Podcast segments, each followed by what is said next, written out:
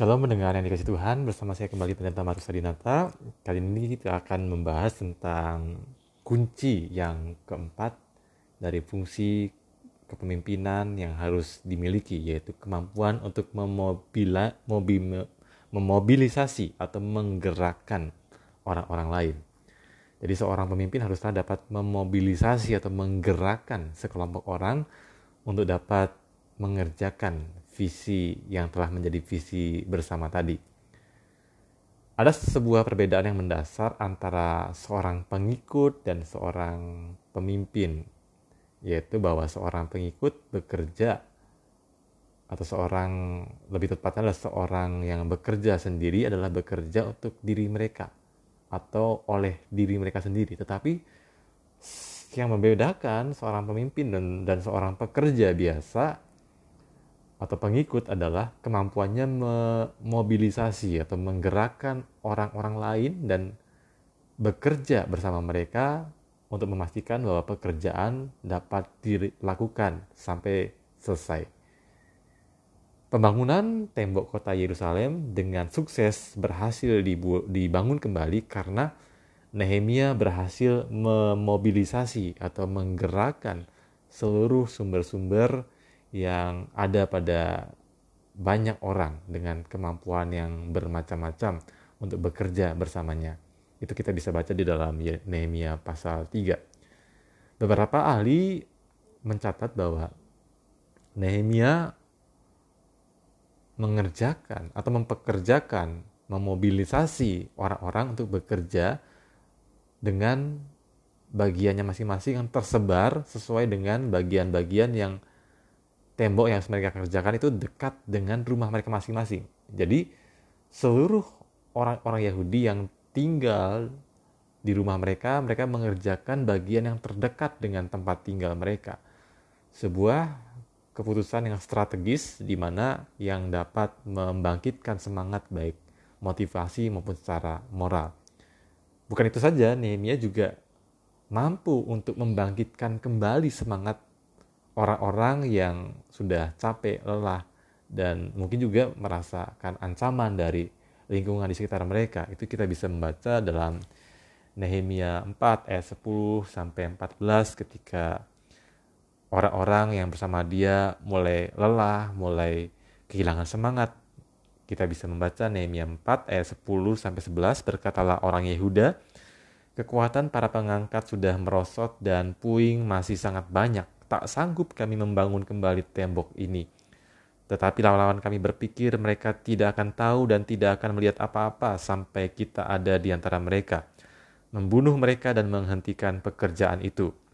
Ketika orang-orang Yahudi yang tinggal dekat mereka sudah sepuluh kali datang memperingatkan kami, mereka akan menyerang kita dari segala tempat tinggal mereka maka aku tempatkan rakyat menurut kaum keluarganya dengan pedang, tombak, dan panah di bagian-bagian yang paling rendah dari tempat itu, di belakang tembok, di tempat-tempat yang terbuka. Ku amati semuanya, lalu bangun berdiri dan berkata kepada para pemuka dan para penguasa dan kepada orang-orang yang lain, Jangan kamu takut terhadap mereka. Ingatlah kepada Tuhan yang maha besar dan dahsyat, dan berperanglah untuk saudara-saudaramu, untuk anak-anak lelaki dan anak-anak perempuanmu, untuk istrimu dan rumahmu. Jadi seorang pemimpin selain harus punya kemampuan untuk menggerakkan, memobilisasi orang-orang untuk bekerja bersamanya untuk mewujudkan visi bersama tadi, seorang pemimpin juga harus punya kemampuan untuk melihat situasi, perasaan orang-orang yang bekerja bersamanya ketika mereka lelah, kehilangan semangat, bagaimana dia harus punya kemampuan untuk kembali membangkitkan semangat, gairah orang-orang yang bekerja bersamanya. Jadi seorang pemimpin adalah seorang yang yang mampu menggerakkan orang-orang lain. Dan itu juga kita bisa baca dalam surat Efesus pasal 4 ayat 11 sampai 13 di mana Paulus menuliskan bagaimana pekerjaan Tuhan dengan jelas dapat dikerjakan bukan karena orang per orang tetapi bagaimana ketika dikerjakan bersama-sama. Dalam Efesus 4 ayat 11 sampai 13 dicatat di sana Dan ialah yang memberikan baik rasul-rasul maupun nabi-nabi, baik pemberita-pemberita Injil maupun gembala-gembala dan pengajar-pengajar untuk memperlengkapi orang-orang kudus bagi pekerjaan pelayanan bagi pembangunan tubuh Kristus.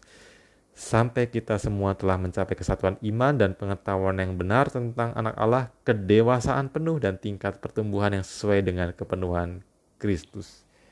Jadi di sini jelas dalam Efesus bahwa Allah yang memberikan baik rasul-rasul, nabi-nabi, pemberita pemberita Injil, gembala-gembala, pengajar-mengajar, dan bahkan orang-orang kudus sesuai dengan karunia yang Tuhan berikan. Adalah menarik jika dalam gereja setiap warga gereja menyadari bahwa mereka diberikan satu karunia atau beberapa karunia dan itu berguna untuk pembangunan tubuh Kristus. Saya merindukan bagaimana dalam gereja yang yang saya layani setiap orang menyadari akan anugerah Tuhan baginya dan dia terketuk tersentuh hatinya untuk dapat memberikan sumbangsih bagi bagi kehidupan bergereja sehingga pelayanan di gereja bukan hanya dilakukan oleh oleh beberapa orang atau segelintir orang saja atau itu-itu saja tetapi ada semakin banyak orang yang terlibat dalam pelayanan dan di sinilah tanggung jawab kepemimpinan adalah untuk memperlengkapi orang-orang dalam pekerjaan pelayanan. Seorang pemimpin harus mampu memobilisasi atau menggerakkan orang-orang bagi pelayanan dengan dengan menempatkan mereka secara tepat, memperlengkapi mereka dan juga dengan memberikan mereka semangat, motivasi agar mereka dapat bekerja dengan penuh sukacita bagi hormat dan kemuliaan nama Tuhan.